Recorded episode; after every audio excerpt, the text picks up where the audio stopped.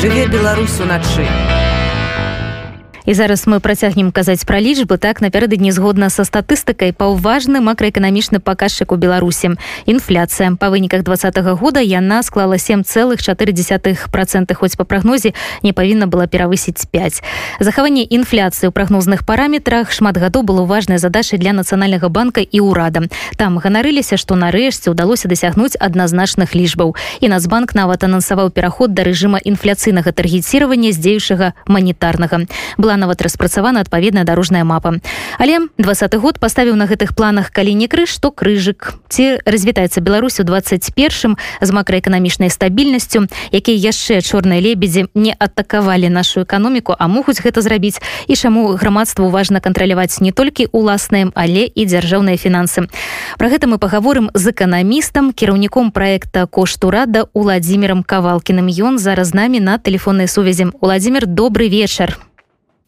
добрый вечер владимир скажите калі ласка ці сапраўды на макраэканамічнай стабільнасці ў беларусі ўжо зараз можна ставіць крыж пока нас банк пытается удержать ситуацию но как видим это не до конца удается на самом деле такой параметр как инфляция он достаточно хорошо управляемый с одной стороны с другой стороны Нацбанк э, не в состоянии в одиночку удержать ситуацию, хотя бы просто потому, что помимо денежно-кредитной политики есть еще э, бюджетно-налоговая политика и есть в принципе политика в стране как таковая общественно-политическая жизнь. И все эти параметры влияют на макростабильность. Поэтому, если говорить про инфляцию 7%, то, с одной стороны, это, конечно, успех для Нацбанка. А с другой стороны, этот успех был достигнут а, ценой сокращения а, и ужимания денежной, рублевой денежной массы, что отразилось очень плохо на финансовом состоянии банковской а, сферы в Беларуси и на реальном секторе. Проще говоря, денег в экономике стало очень-очень мало, Ввиду этого невозможно делать инвестиции, развивать производство и бизнес. Ну гэта такая э, праблема апошніх гадоў такое скажем рытарычнае пытанне так што рабіць падтрымліваць эканоміку і друкаваць грошы ці утрымліваць макраэканамічную стабільнасць. Вось што вы прапаноўваеце для вырашэння? Друкаваць усё ж такі грошы нацыянальнаму банку? На самом деле А, если брать 18-19 годы, то бюджет был профицитный, и торговая сальдо было положительным, поэтому проблем особых-то и не было. Это вот 20 год внес коррективы по нескольким причинам. А, по причине выборов и ситуации после выборов, и до этого по причине ковида. Вот. Ну а что касается, что делать дальше у нас банку, Наверное, Калауру виднее, что ему делать, поскольку он обладает большим количеством информации текущей, чем я на данный момент, с одной стороны. С другой стороны, э, Нацбанк сейчас стоит на развилке. Если зажимать рублевую денежную массу, это будет отражаться на том, что предприятия, э, у предприятий и у банков все меньше будет денег и все хуже финансовое положение. Сначала они будут э, кредиторскую задолженность растить и все хуже рассчитываться с поставщиками. Потом станет вопрос, чем платить э, заработную плату, и в конце станет вопрос, а чем э, за счет чего платить налоги. Проще говоря, экономика сядет на картотеку и будет кризис неплатежей.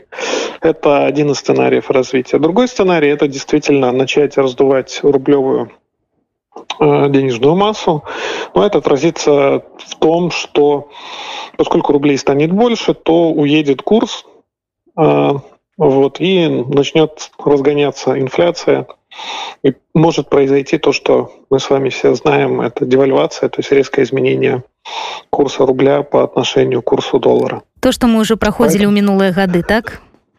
Да, поэтому здесь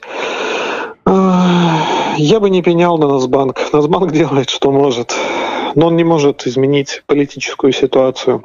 Он не командует ОМОНом, и он не командует МВД. Вось вы уже узгадалі э, тое што і палітычная нестабільнасць адбілася на эканоміцы беларусі а так але ж і каронавірус але ж у нас таксама было яшчэ некалькі таких рукатворных фактараў памятаць у пачатку года мы самі сабе арганізавалі нафтавы крызіс да, безусловно, тоже очень интересный кризис. Я бы не, не стал называть это кризисом, я бы скорее назвал это попыткой Э, вести переговоры э, в жестком формате, но со слабой позицией. Поскольку в России тоже были готовы вести переговоры э, достаточно жестко, то результат всего этого был абсолютно предсказуем. Поскольку мы недополучили какую-то часть нефти, мы ее не переработали, не продали и не заработали денег в бюджет. Владимир таксама маю да вас такое пытанне. Вось вы закранули пытанне бюджэтна сальда што яно у нас доўгі час было э, пазітыўным а сёлета там сітуацыя дакладней лета сітуацыя змянілася. Вось як мы ведаем э, крызіс двадца года прывёў до таго што вот наше беларускае бюджэтнае сальда но пагоршылася адразу на 2 мільярды долараў. Э, то бок калі у 2019 годзе азначаўся прафіцыт бюджэту то за мінулы год ён просто цалкам растварыўся і перайшоў у дэфіцыт. Распавядзіце як гэта адбылося і галоўнае як як гэта адаб'ецца на кішэні беларусаў ну прежде всего бюджет потерял доходы от э, вывозных пошлин на нефть э, ввиду того что э, руководство россии проводит налоговый маневр и меняет налоговую схему на значит начисление налогов на нефть это отражается на Беларуси. Беларусь с каждым годом все меньше получает э, внешние торговых пошлин от того, что перепродает российскую нефть. Это первый важный момент, который сыграл. И вокруг этого, кстати, и был весь этот нефтяной конфликт, потому что ну, Лукашенко считал, что э, Путин ему должен по-прежнему добавлять денег вот таким вот хитрым способом, продавать нефть по внутрироссийской цене, а Лукашенко дальше будет перепродавать эту нефть по мировой, оставляя себе пошлину. Вот. Э, то есть это первая крупная потеря. Вторая крупная потеря – это связанная с ковидом, а потом с кризисом. Это потери, связанные с э, тем, что предприятия стали наращивать убытки, уехал курс, появились курсовые разницы. Эти курсовые разницы Э, пришло, э, пришлось списывать на расходы будущих периодов. Специальный указ Лукашенко издал. Тоже, кстати, такая своеобразная практика. Нигде в мире такого не происходит, только в Беларуси. Можно перенести убытки на следующие года в связи с курсовыми разницами. И, соответственно, сократилось э, количество прибыли, которые зарабатывают предприятия как частной формой собственности, так и государственной, и упал упала собираемость налога на прибыль. Вот это две, две больших таких потери для белорусского бюджета, э, которые привели к отрицательному сальдо. Ну, отрицательное сальдо э, бюджетное означает то, что мы тратим денег больше, чем зарабатываем, а это, в свою очередь, означает, что вот эту дыру нужно чем-то закрывать. На данный момент закрывают эту дыру э, увеличением госдолга. Ну, закрывали, пока это было возможно, до выборов. Соответственно, это отражается уже на э, соотношении госдолга к ВВП э, и на том, э, насколько больше в будущих периодах мы будем выплачивать из бюджета как по основному телу долга, так и по процентам. Проще говоря, э, через какое-то количество лет из-за того, что количество долгов растет, мы все больше и больше будем тратить деньги на обслуживание госдолга и все меньше и меньше на социалку. На такую социалку, как образование, здравоохранение, ЖКХ, благоустройство и очень многие другие полезные вещи для общества. Але я так разумею, что гэта проблема яна надыдзе у перспектыве, то бок гэта не проблема, якая, якую мы адчуем уже не ведаю завтра паслязаўтра, а гэта расцягнецца на некалькі гадоў. Ну, мы эту проблему ощущаем уже на сегодняшний день, э, потому что допустим, в этом году, в 2021, около 11% бюджета уйдет на выплату по государственным долгам. Этих денег бы хватило для того, чтобы содержать всех силовиков, например. Вот. Или это было бы очень хорошим подспорьем для Министерства здравоохранения или Министерства образования. Но поскольку эти деньги мы вынуждены выплачивать э, для обслуживания госдолга, то, соответственно, эти деньги не достанутся людям, эти деньги уйдут кредиторам.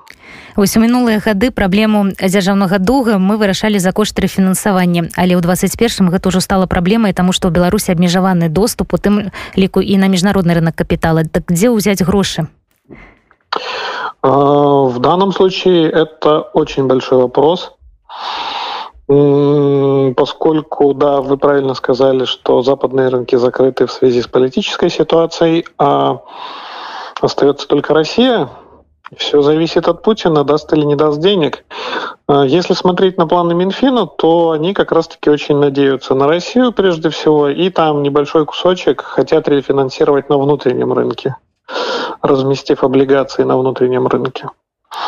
Вот. Ну, по сути, сейчас э, экономическое положение в Беларуси и возможность исполнить белорусский бюджет зависит практически полностью от Путина.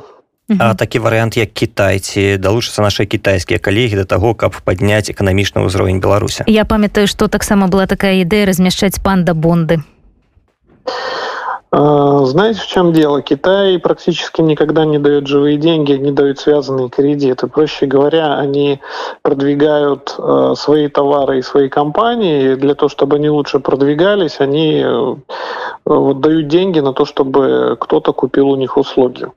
Поэтому в данном случае на Китай особо рассчитывать не стоит.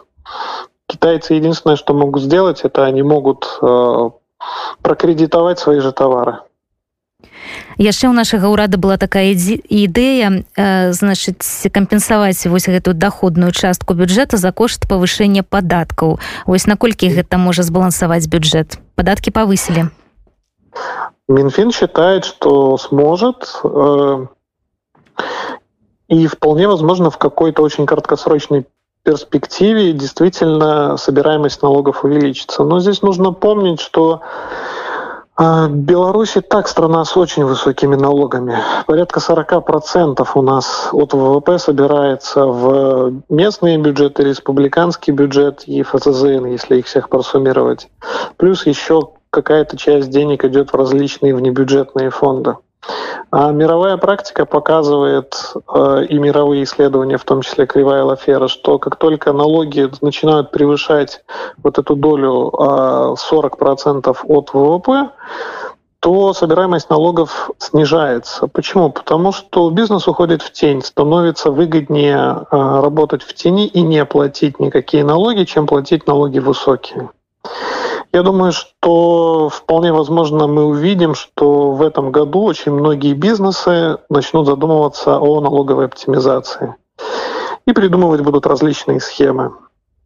Там, если, допустим, э, компания имеет какое-то большое количество высокооплачиваемых сотрудников, она может предложить им открыть ИП и платить вместо 13 подоходного 5 процентов от оборота, плюс ФСЗН от минималки, например.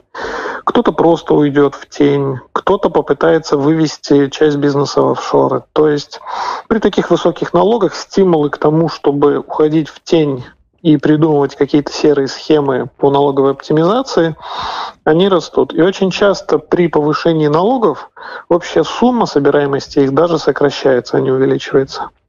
На грамадскі кантроль над беларускім бюджэтам накіраваны ваш проект коштурада так? Да верно. І расскажыце як вось беларусы колькі год ужо гэты проект існуе ёсць такая патрэба ў беларускім грамадстве кантраляваць як дзяржава траціць грошы? Это довольно объемный вопрос что касается проекта. Он существует уже порядка 7 лет. Это такой онлайн интерактивный бюджет для граждан, который в простой форме показывает, откуда деньги приходят в бюджет и на что они тратятся. Что касается вашего вопроса относительно интереса общества. Я напомню, что в 90-х был референдум, и там одним из вопросов был, а, необходимо ли, а, а, чтобы доходы и расходы бюджета были открытыми. Так вот, граждане в 90-х проголосовали, что им это не нужно. Но это было в 90-х. Что касается того времени, в котором мы живем и работаем, это нулевые, то по всем опросам, а мы иногда заказываем в рамках больших панельных исследований собственные вопросы, а, подавляющее большинство людей отвечает, что да, они хотели бы, чтобы бюджет был открытым и чтобы можно было проверить а, действия чиновников плане доходов и расходов бюджета. То бок гэтае пытанне зноў трэба выносіць на референдум да, безусловно, потому что тот, э, тот вопрос задавался более 20 лет назад, и то поколение, которое э, голосовало в том числе за изменение полномочий президента и в том числе за то, чтобы бюджет не был открытым, оно, откровенно говоря, ушло даже во многом из э, этой жизни, в, жизнь иную. Э, вышло новое поколение выросло из пеленок, даже можно так сказать. На сегодняшний день человек, который родился в 95 году, это уже 25-летний человек, это человек с высшим образованием, зарабатывающий вполне себе нормальные деньги. Я даже не говорю про тех, кто был, допустим, подростком или ребенком в 90-е. Это люди с новым мировоззрением, совершенно иным, совершенно иными потребностями, которые видят государство не, знаете, как Левиафана такого, которое вмешивается во все дела и указывает, как нам жить. Это как грозный отец, а для современной молодежи, для современных людей государство это скорее такая крупная корпорация, оказывающая сервисы, и, собственно говоря, ожидания от этой корпорации такие, что она будет оказывать сервисы надлежащего качества за а, адекватную цену. Цена – это налоги. Ну и, собственно говоря, чтобы контролировать и качество, и цену, для этого и нужно следить за бюджетом, доходами и расходами. Владимир, а вось па вашай ацэнцы як кіраўніка гэтага проекта беларуская дзяржава грошы як марнуе неграмотна А, Мое персональное мнение заключается в том, что абсолютно безграмотно расходуются деньги налогоплательщиков. А, во многом эта безграмотность связана с тем, что деньги вбрасываются в убыточные госпредприятия и навсегда превращаются в долги и убытки. И это длится уже вот на протяжении этих 26 лет, которые Лукашенко у власти. А, то же самое касается во многом госзакупок, которые происходят очень часто очень странным образом и а, во многом развивают а, коррупционную составляющую. Опять же, большой госсектор в экономике – это всегда проблема, когда одновременно государство является и владельцем бизнеса, и вмешивается в управление этим бизнесом. Бизнес перестает работать как бизнес и зарабатывать прибыль начинает выполнять какие-то несвойственные для себя функции. Все это, безусловно, очень-очень э, тормозит развитие нашей экономики. Напомню, что ВВП в 2010 году был даже чуть-чуть выше в долларовом исчислении, чем ВВП Беларуси в 2020 году. И это без учета инфляции, которой доллар и евро тоже подвержены. А вось за гэтыя сем гадоў э, ці быў у бюджэце такі артыкул у расходнай яго частцы які б вас здзівіў што ўвогуле дзяржава на гэта грошы траціць не павінна? Вы знаете меня удивить достаточно сложно. Ну все ж таки. Наверное самое удивительное то что наверное две самые удивительные вещи. Не столько расходов сколько доходов. Это доход вот связанный с тунецким налогом, это, наверное, что-то что-то необычное, да, потому что в мировой практике такое сложно встретить. И второе – это то, что э, штрафы планируются, то есть э, в бюджет закладывается определен, определенная планка по собираемости различного рода штрафов. Это нам говорит о том, что поскольку план по собираемости штрафов стоит, значит, какие-то контролирующие органы пойдут искать, э, где эти штрафы изъять, чтобы выполнить план. Владимир вы казалі что наши улады неправільна расходуюць бюджэтныя сродкі А вось на вашу думку куды трэба укладаць гэтыя грошы каб яны прынеслі плён айчыннай эканоміцы а, не, не, не, не скажу, наверное, что-то очень прям очень новое в этом плане. А, есть отличная программа МВФ, которую, насколько я помню, в 2017 году, 2018 миссия МВФ предложила правительству, и Лукашенко отказался от этой программы. А, если очень коротко и совсем очень по-простому сказать про структурные изменения в экономике, это свести прямое директивное кредитование госпредприятий к нулю, а, это разделить функцию собственника и функцию управленца в отношении госпредприятий. И поскольку эти действия приведут к росту безработицы, а, вложить гораздо больше денег а, социальную поддержку тех людей, которые лишатся работы. А это значит увеличить пособие по безработице раз, и два – это создать курсы а, повышения квалификации либо переквалификации, чтобы те люди, которые потеряют работу на госпредприятиях, могли получить дополнительную квалификацию и найти себя в новой экономике. Вот эти действия, они, безусловно, приведут такие долгосрочные позитивные эффекты, потому что деньги перестанут тратиться на неэффективные и заведомо убыточные госпроекты, а достанутся более эффективному бизнесу.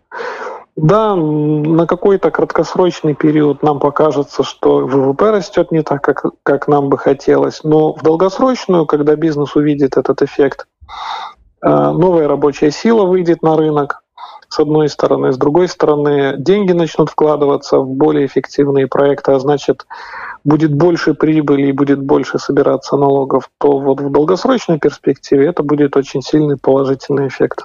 Владимира як па вашых назіраннях фінансавая грамотнасць самога насельніцтва за апошнія часы павялічылася знаете по неволе финансовая и точнее тут если мы говорим про бюджет сказать это фискальная грамотность или бюджетно-налоговая грамотность она растет просто очень быстро это связано с одной стороны с тем что вот повторюсь, новое поколение вышло на авансцену. Те люди, которые родились в конце 80-х, в 90-х, они теперь уже взрослые люди, и это люди совершенно другого менталитета, не советского и другого склада, и они интересуются этими вещами. А второй важный фактор — это политические изменения, особенно вот э, начиная с весны. Поведение Лукашенко, поведение правительства, оно подстегивает еще больше интереса, еще больше такой задор у людей узнавать больше про бюджет, про то, как бюджет формируется и расходуется, и про то, что с этим всем можно сделать как можно более эффективно тратить деньги. А ёсць яшчэ такі фактор як жыццё прымусіла. Памятайце калі урад пачынае казаць ці нацыянальны банк што дэвальвацыі не будзе так адразу усе бягуць у банкі і скажем так крыху шатаюць устойлівасць банкаўскай сістэмы А это уже скорее более старшее поколение, это уже возраст 35 плюс. Это те, кто видели, э, что называется, в действии э, нашу экономическую, финансовую, бюджетную политику. Вот эти люди уже наученные, вот они бегут шатать банковскую систему. И не столько отчасти из э, солидарности, может быть, э, с протестующими, сколько из желания спасти собственные деньги, потому что они понимают, что происходит.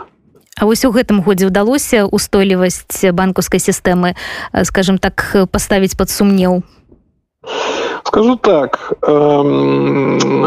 нацбанк ходит по очень тонкому льду И этот лед может в любой момент э, треснуть, и под этот лед вся эта политика может провалиться.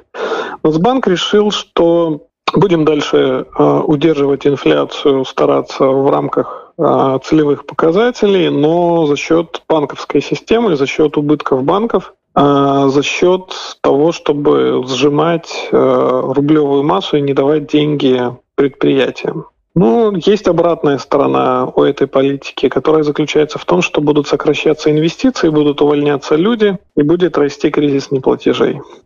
Таксама маю да вас такое пытанне. Вось мы размаўлялі наконт агульнай эканамічнай сітуацыі ў нашай краіне. І вось з таго што я ведаю на пеша снежня знешні дзяржаўны доўг нашай краіны складае больш за 18 мільярдаў долараў. Толькі гэта нейкія касмічныя лічбы 18 мільярдаў 200 мільёнаў долараў. І раней як мы змагаліся з дзяржаўным доўгам мы бралі крэдыты вось гэтая схема рэфінансавання взять один крэдыт каб заплаціць за мінулыя пазыкі і такім чынам ішлі далей. Цяпер як вы ўжо казалі казалі у нас э, мы у нас надзея толькі на Россию каб Россия нам дала нейкія грошы. З гэтых э, грошай мы выплацілі ім э, мінулыя пазыкі і ішлі далей але наколькі прадуктыўная такая схема змагання з со сваімі знешнімі даўгамі наколькі прадуктыўная гэтая стратэгія і як было б лепш паступіць каб все ж таки выплаціць гэты касмічны дзяржаўны доўг? І можаце лепш аб'явіць дэфолт і нічога не плаціць Кстати, объявить дефолт не самый плохой вариант. А, и это многие экономисты говорят в том числе.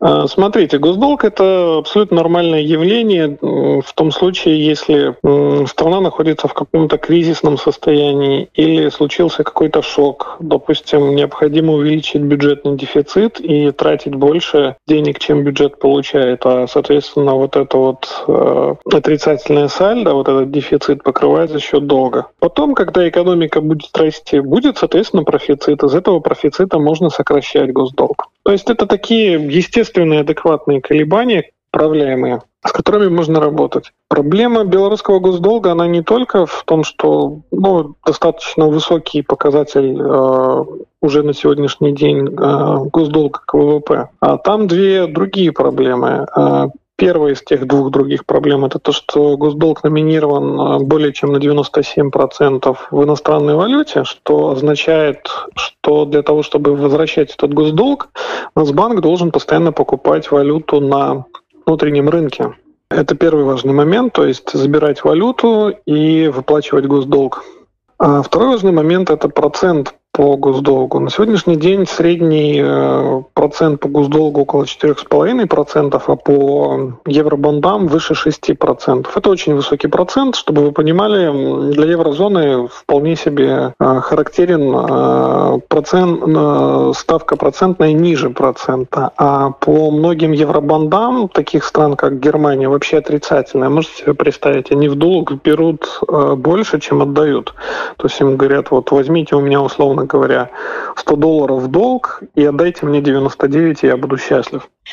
Вот такая ситуация происходит. К чему я это говорил? К тому, что очень любят сравнивать э, наши белорусские пропагандисты, которые не совсем понимают ситуацию, э, соотношение госдолга к ВВП, допустим, Беларуси и, например, Италии.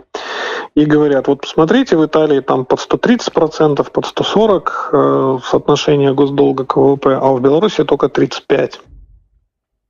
Но здесь есть важный нюанс. Э, Италия платит меньше 1%, у нее процент по госдолгу ниже 1%, а Беларусь 4,5-5. Что нам это говорит? При том, что у нас соотношение госдолга к ВВП э, до пяти раз может быть э, ниже, чем у Италии, проценты мы платим даже больше, чем Италия по отношению к ВВП. Проще говоря, нам очень долго, дорого содержать наш госдолг. Это является очень большой проблемой. Владимир, тут яшчэ такі важны момант, што вось апошнія еўрабонды у нас здаецца былі под 7 процентаў, але калі мы зараз будзем выходзіць, нам ужо нават і под такі процент не дадуць. Я думаю, что нам крайне сложно будет выйти куда-то с нашими евробондами. Просто потому что их никто не возьмется размещать. Зараз усе абмяркоўваюць будучы план маршала для беларусі А вось на ваш погляд чаго трэба пачынаць рэформы? Колькі на гэта спатрэбіцца часу і колькі гэта увогуле можа каштаваць? Это будет достаточно дорогое занятие потому что режим лукашенко долгое время загонял страну в убытки и в долги Поэтому, в отличие от 90-х, когда в экономике были серьезные проблемы, но не было госдолга, сейчас кроме серьезных проблем еще и огромный госдолг будет, который нужно обслуживать. План Маршала для Беларуси это, конечно, вещь позитивная, но план Маршала не должен заканчиваться просто выделением денег. Должны пройти прежде всего структурные реформы, которые создадут рынок капитала и создадут рынок э, труда которых на сегодняшний день нет. А, когда рыночные механизмы будут регулировать, а, куда и какие кредиты идут, а не чиновник в кабинете будет решать, что вот у нас есть какие-то бюджетные деньги, есть госбанки, и я им прикажу, что нужно выдавать, там, не знаю, убыточному деревообрабатывающему предприятию деньги, а не частному бизнесу. А вот.